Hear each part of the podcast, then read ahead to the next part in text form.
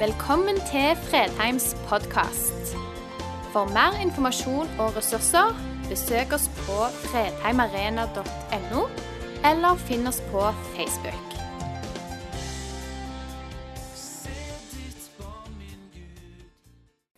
Har du noen gang vært et sted i ditt liv hvor du vet at nå tar jeg avskjed med en person for lang tid? Det er ikke nødvendigvis snakk om et dødsfall. Kanskje er det en venn eller en venninne som flytter permanent langt vekk. Og du vet at dette kommer til å få innvirkning på ditt liv til daglig. Fordi dette er personer du har bygd livet ditt rundt. Kanskje du har hatt foreldre på besøk som bor langt, langt unna, og det nærmer seg avreise. Og fra å ha hatt det i samme hus noen dager, så skal dere igjen skilles mange timer ifra hverandre. Kanskje det var det valget du tok i livet ditt, kontra valg andre tok, som viste at, viste at her begynner vår retning ifra hverandre. I forskjellige retninger. Og egentlig visste du at dette her er et langsomt farvel. Kanskje var det den gangen sistemann flytta ut hjemme. Og plutselig var alt så tomt.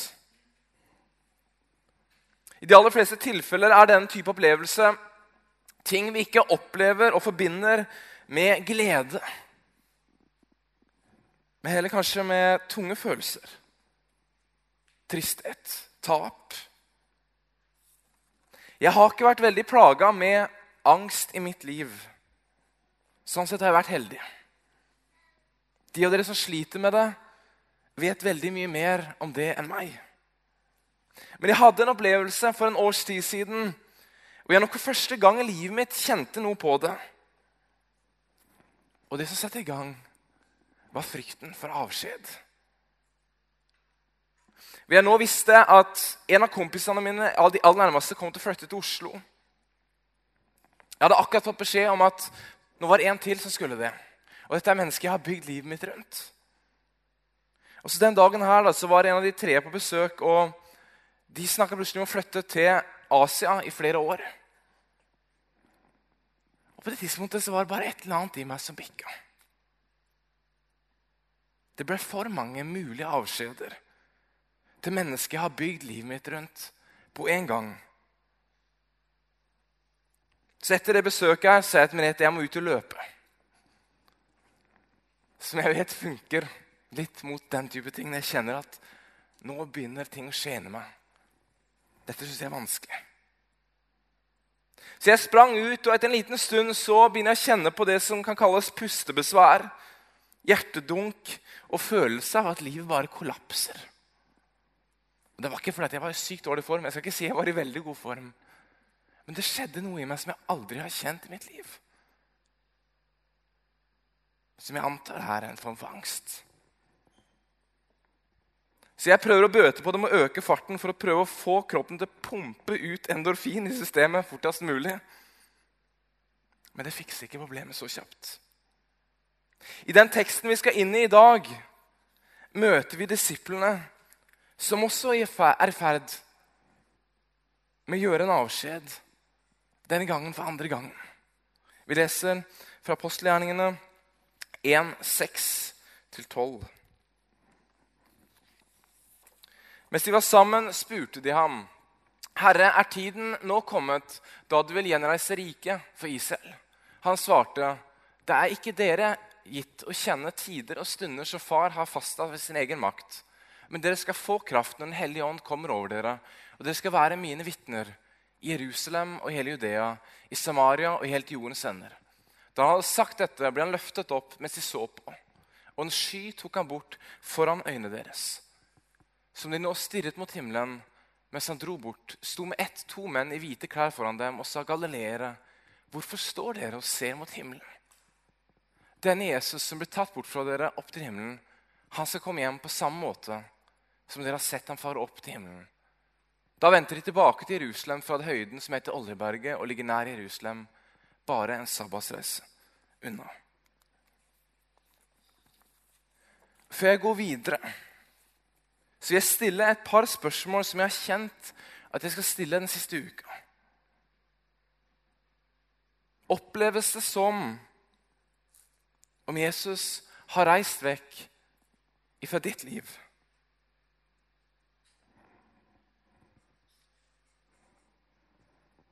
Hvordan ser det ut?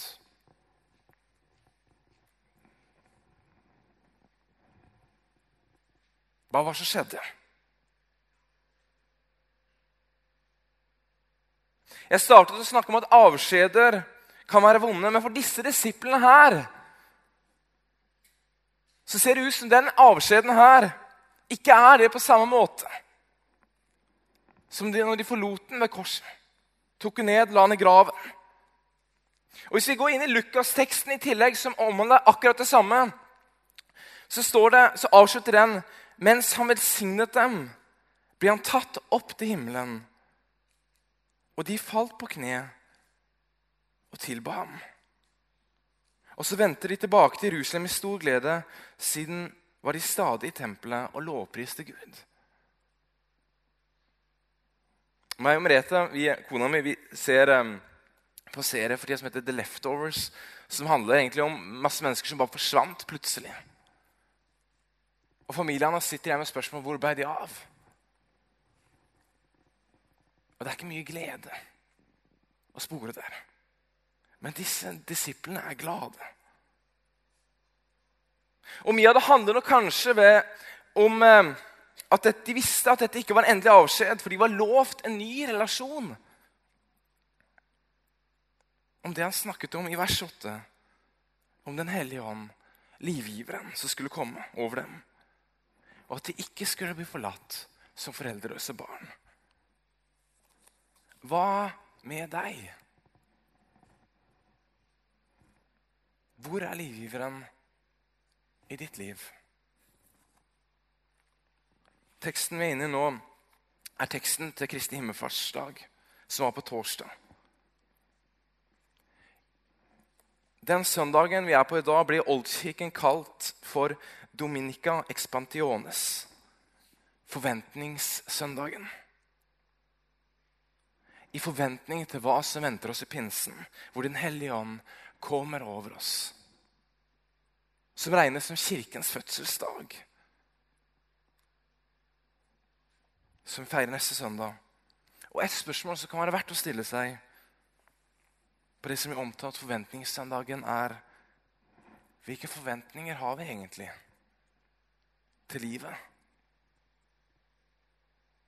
Til troen. Til Gud. Til hva det måtte være. Drukner forventningene til Gud og Kirken og troen i alt det andre. Ofte kan vi referere til tekster som i f.eks. Johannes 14, 18-20. Jeg lar dere ikke bli igjen som foreldreløse barn. Jeg kommer til dere. Snart ser dere ikke verden meg lenger, men dere skal se meg, for jeg lever, og dere skal også leve. Den dagen skal dere skjønne at jeg er i min far, at dere er i meg, og jeg i dere. Og så sier vi det at hvis vi er i Kristus, så betyr jo det at når Kristus døde, så døde vi med ham. Og når Kristus sto opp igjen, så sto vi opp med ham, og så stopper vi ofte der. Men når Kristus steg opp til himmelen, så gjorde vi det òg med ham. Kirkefar Augustin skriver i dag er vår Herre Jesus Kristus steget opp til himmelen. Måtte våre hjerter slå følge med ham slik han steg opp til himmelen uten å forlate oss. Slik er vi allerede hos ham der oppe, uten at det som er blitt lovet oss, er blitt virkelighet i legemlig forstand. Her snakker vi om de grunnleggende teologene i kirken som helhet. Jeg hørte en historie om en eh, biskop i den engelske kirke som hadde vært i Forsvaret over mange år. Eh, og Hver gang en soldat kom til han, Det er nok en del år tilbake den historien egentlig foretraff, men hver gang en, en soldat kom inn til ham i angst eller at han kjente at han var stressa, så ba han soldaten å beskrive hva ser du rundt korset. Og så Soldatene starter jo da med jo, jeg ser Jesus henge på det korset. Ja, ser du noe mer? Ja, jeg ser to tyver. To røvere som henger ved siden av. Noe mer? Ja, jeg ser eh, noen kvinner og noen mennesker i sorg rundt ham. Ja, mer? Så går det en stund, og så svarer han svarer som regel nei, det er det jeg ser. Så svarer denne biskopen, som heter biskop Taylor Smith jeg ser korset, og jeg ser Jesus på korset, så ser jeg rett ved sida av ham biskop Taylor Smith. Når jeg på påskemorgen ser Jesus levende i åpningen til graven, så ser jeg ved siden av ham biskop Taylor Smith. Og når jeg ser Jesus steget opp og sittende ved Faderens høyre hånd, ser jeg der ved siden av ham biskop Taylor Smith i Kristus. Du skjønner, Når vi forstår at vi allerede sitter ved Faderens høyre hånd i Kristus, så forandrer det noe om hvordan vi ser på dette livet. Det kan for alvor få oss til å løfte blikket ifra alt det som får blikket vårt til å være vendt nedover her nede. En interessant ting i den teksten er at i vers 11 eh, Når da Jesus, når de står og kikker mot himmelen, Jesus plutselig blir borte for dem, så er det ikke overraskende at de står og ser mot himmelen etterpå. Helt da til disse to mennene hvitkledde kommer til dem og sier Galilea. Hvorfor står dere her og ser mot himmelen? Denne Jesus ble tatt bort fra dere opp til himmelen, og han skal komme hjem på samme måte som dere har sett ham fare opp til himmelen. Det er nesten som de sier, 'Hvorfor står dere her og kikker?' Lev livet. Vent med øynene mot himmelen. Og dere skal vite det at en gang til skal dere stå med øynene vendt mot himmelen. Og den gang er det Jesus som kommer tilbake. På samme måte som han forlot det, eller reiste. Nå spekulerer jeg litt, bare så jeg er klar over det. Men det er litt fascinerende hvordan disse rammene nærmest rammer inn eh, hvordan de står og ser på himmelen og sier 'lev livet'. Og så er det en ramme igjen når de skal stå og se Jesus komme tilbake. Akkurat som det sies noe der med at lev det livet dere har nå, med øynene vendt mot himmelen. Ikke mist blikket på det som betyr mest av alt. Men det vi i hvert fall kan si, er at disse disiplene fortsatte livet sitt i bønn.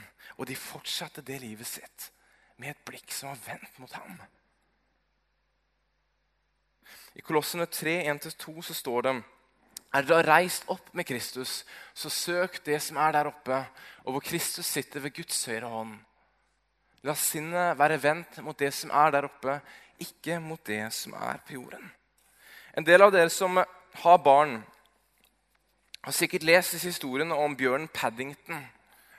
Jeg tror kanskje det var mer populært før. Vi har én sånn bok hjemme, og den har gått i arv i familien i 20 år. Eh, og Jeg vet ikke om det er like populær lenger, men det som er fascinerende med denne bjørnen, da som er en historie som er tatt ut fra laget i England, er jo det at den heter eh, Bjørn Paddington. Men det er jo egentlig ikke navnet til denne bjørnen. For Vi får aldri vite hva den bjørnen egentlig heter.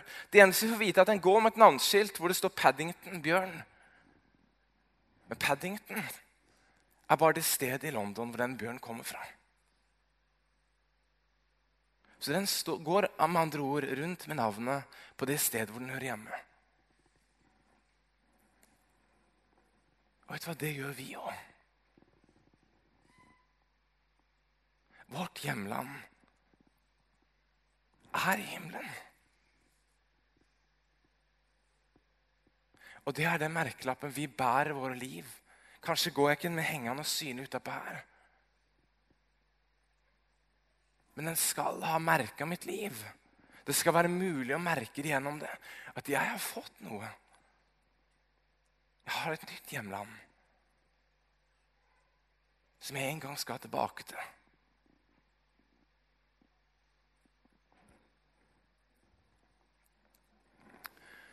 Victoria kom til meg en dag, det er dattera mi. Den lappen der satt ikke jeg i hodet hennes, men hun kom bort til meg, og så plutselig ser jeg 'Made in China' på hodet hennes. Og Da måtte jeg bort til Merete og spørre her er det muligens noe jeg ikke har fått med meg. Men Jeg vet ikke hvordan jeg hadde fått det her, men jeg hadde sikkert eh, vært borti et eller annet i huset som var 'Made in China'. Men vår destinasjon er himmelen. Og det skal farge livet vårt. Og hvis det ikke farger livet vårt, så er det et eller annet som ikke stemmer.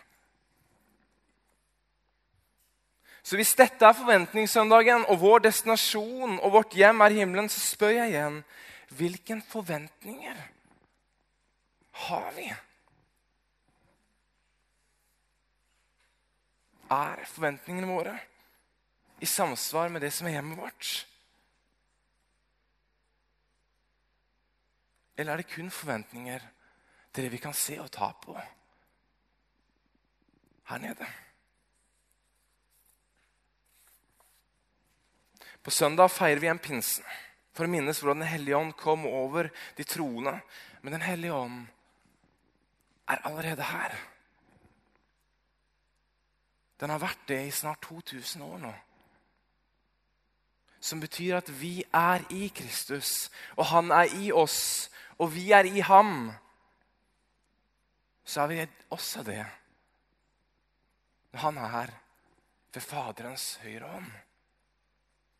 Hva betyr det for perspektivet på livet mitt? Hva betyr det for hvordan jeg tenker? Hva jeg sier? Hvordan jeg omtaler andre? Hvordan jeg lever livet mitt? Jeg skal bare ta en liten parentes der. Eh, som, som, jeg tror jeg ble minnet på det er hvordan omtaler vi andre. En del av de mennesker som vi av og til kan ha en tendens til å plutselig begynne å snakke stygt om, er mennesker han ga livet sitt for.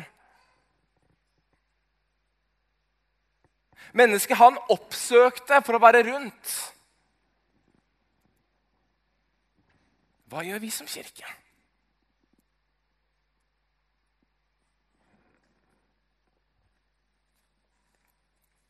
Du ser, kanskje var grunnen for hvorfor sorgen uteble,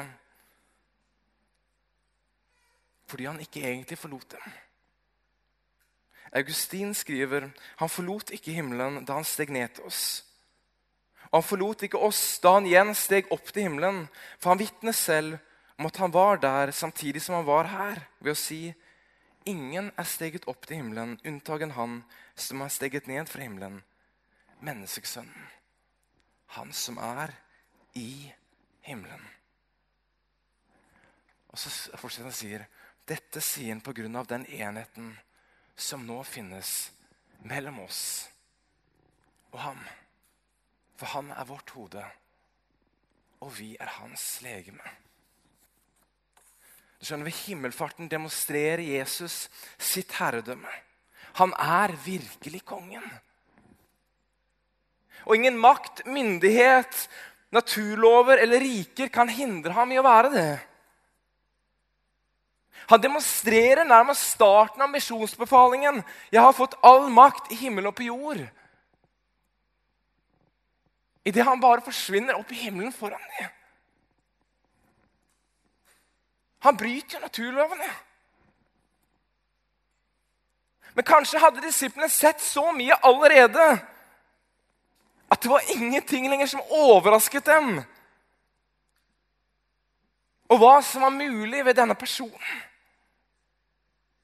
Jesus Kristus, som også var deres Gud.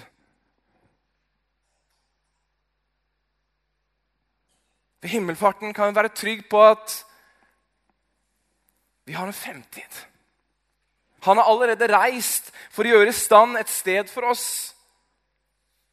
Og vi på samme måte komme og hente oss med til himmelen igjen. Hjem til vårt hjemland. Hjem til det som merker mitt liv, som forteller hvor jeg er fra. Jeg har sterke følelser for det stedet jeg ble født. Kjølling utafor Larvik. Det har på en måte satt et merke meg for livet. Jeg kommer aldri til å komme vekk fra det. Men det kan ikke sette sterkere merke enn det som virkelig er mitt hjemland jeg tilhører Kristus. Himmelriket. En liten, eh, liten sånn vri her er Munkene, når de lagde kloster, så gjorde de det ut fra én ting. Og det var det at de ville få en forsmak på himmelriket allerede nå.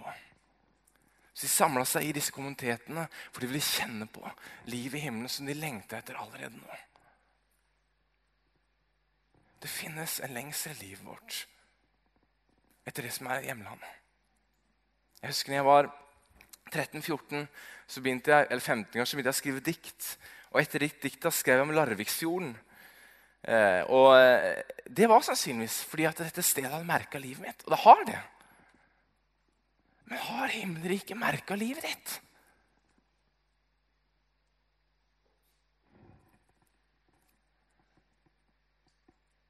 Og hvis ikke Hvorfor ikke?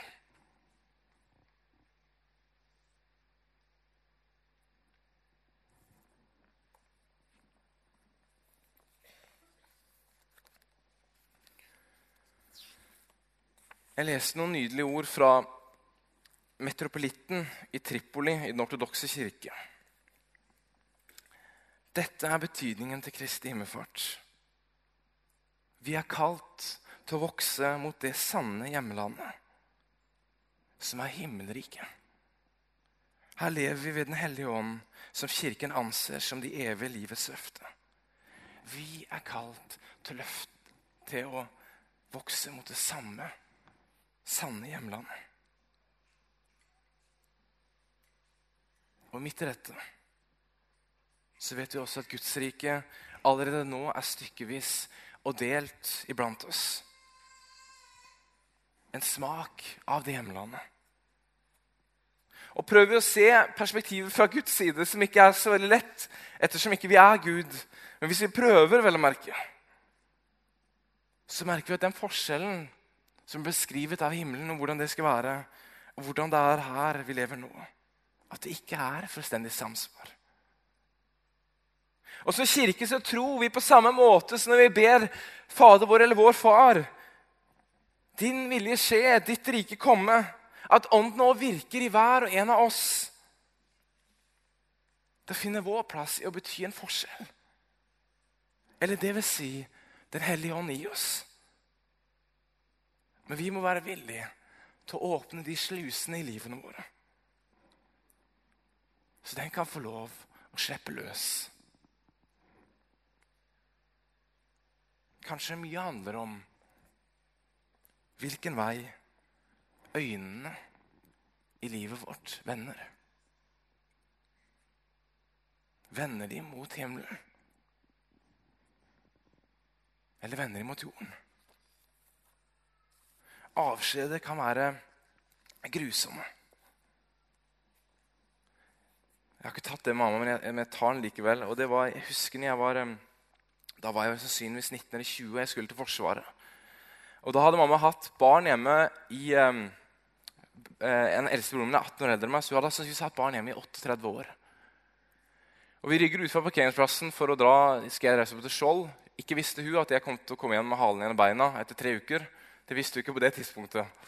Eh, men i hvert fall så, idet jeg rygger ut, eller de rygger ut med meg av avkjørselen, så ser jeg hun og tårene bare strir henne nedover fjeset hennes.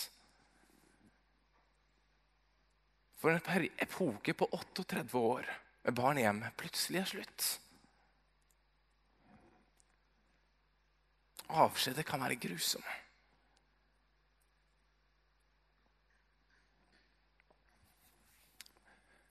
Men eh, den avskjeden her, den ble en start på en forventning. Og i dag for oss kanskje like mye en grunn til å løfte blikket og se hva vi får lov å være med på. Jeg har hørt en historie om en mann i England som var en kirkemann. Hele familien hans var i kirken og var aktiv i kirken. Og de besøkte en, en eh, annen familie i nabolaget som overhodet ikke hadde noe med De hadde ikke tro. De hadde aldri hatt noe tro i familien. Eh, de gikk ikke i kirken. Og De ble bedt ned på te, denne familien. da, og eh, de sitter og snakker, og Etter hvert så, så begynner han mann som da alle trodde ikke hadde noen forventning eller hadde noen tanker om tro, og stille noen spørsmål du, om Bibelen. Og kona hans bare spør hva er det du spør om. Hvordan vet du dette om Bibelen? Du har aldri lest Bibelen. For det mannen sier, jo, det ingen av dere vet, er at de tre siste åra av mitt liv har jeg hver eneste morgen jeg står opp badet, lest Bibelen.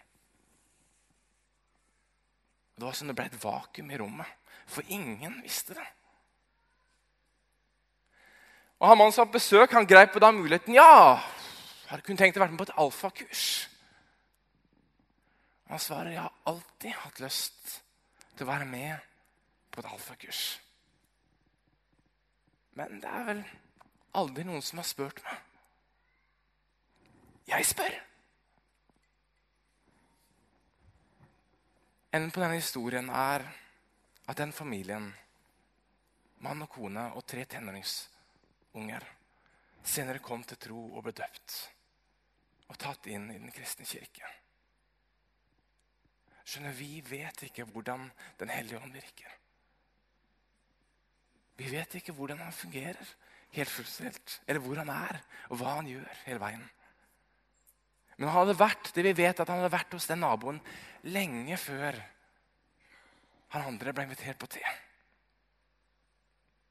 Og Han gikk bare inn i noe han ikke ante var i ferd med å skje.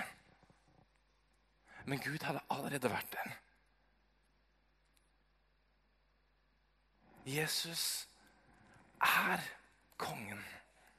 Og han er løftet opp på tronen ved siden av sin far. Og en dag kommer han igjen for å ta oss med hjem til den destinasjonen som kun tro kan gi visum til. Disiplene sto igjen med øynene vendt mot himmelen etter han forsvant foran dem. Hvis vi leter etter hensikt med livet våre så er hva denne verden i dag trenger. Mennesker som lever, er til stede her nede. Men som samtidig vet hva de er merket med.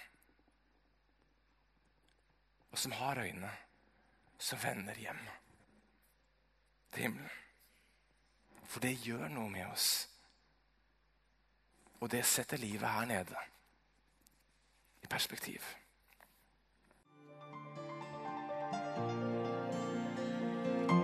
Takk for at du valgte å høre på. Nye opptak legges ut hver uke. Vi har gudstjenester hver helg, og du er hjertelig velkommen.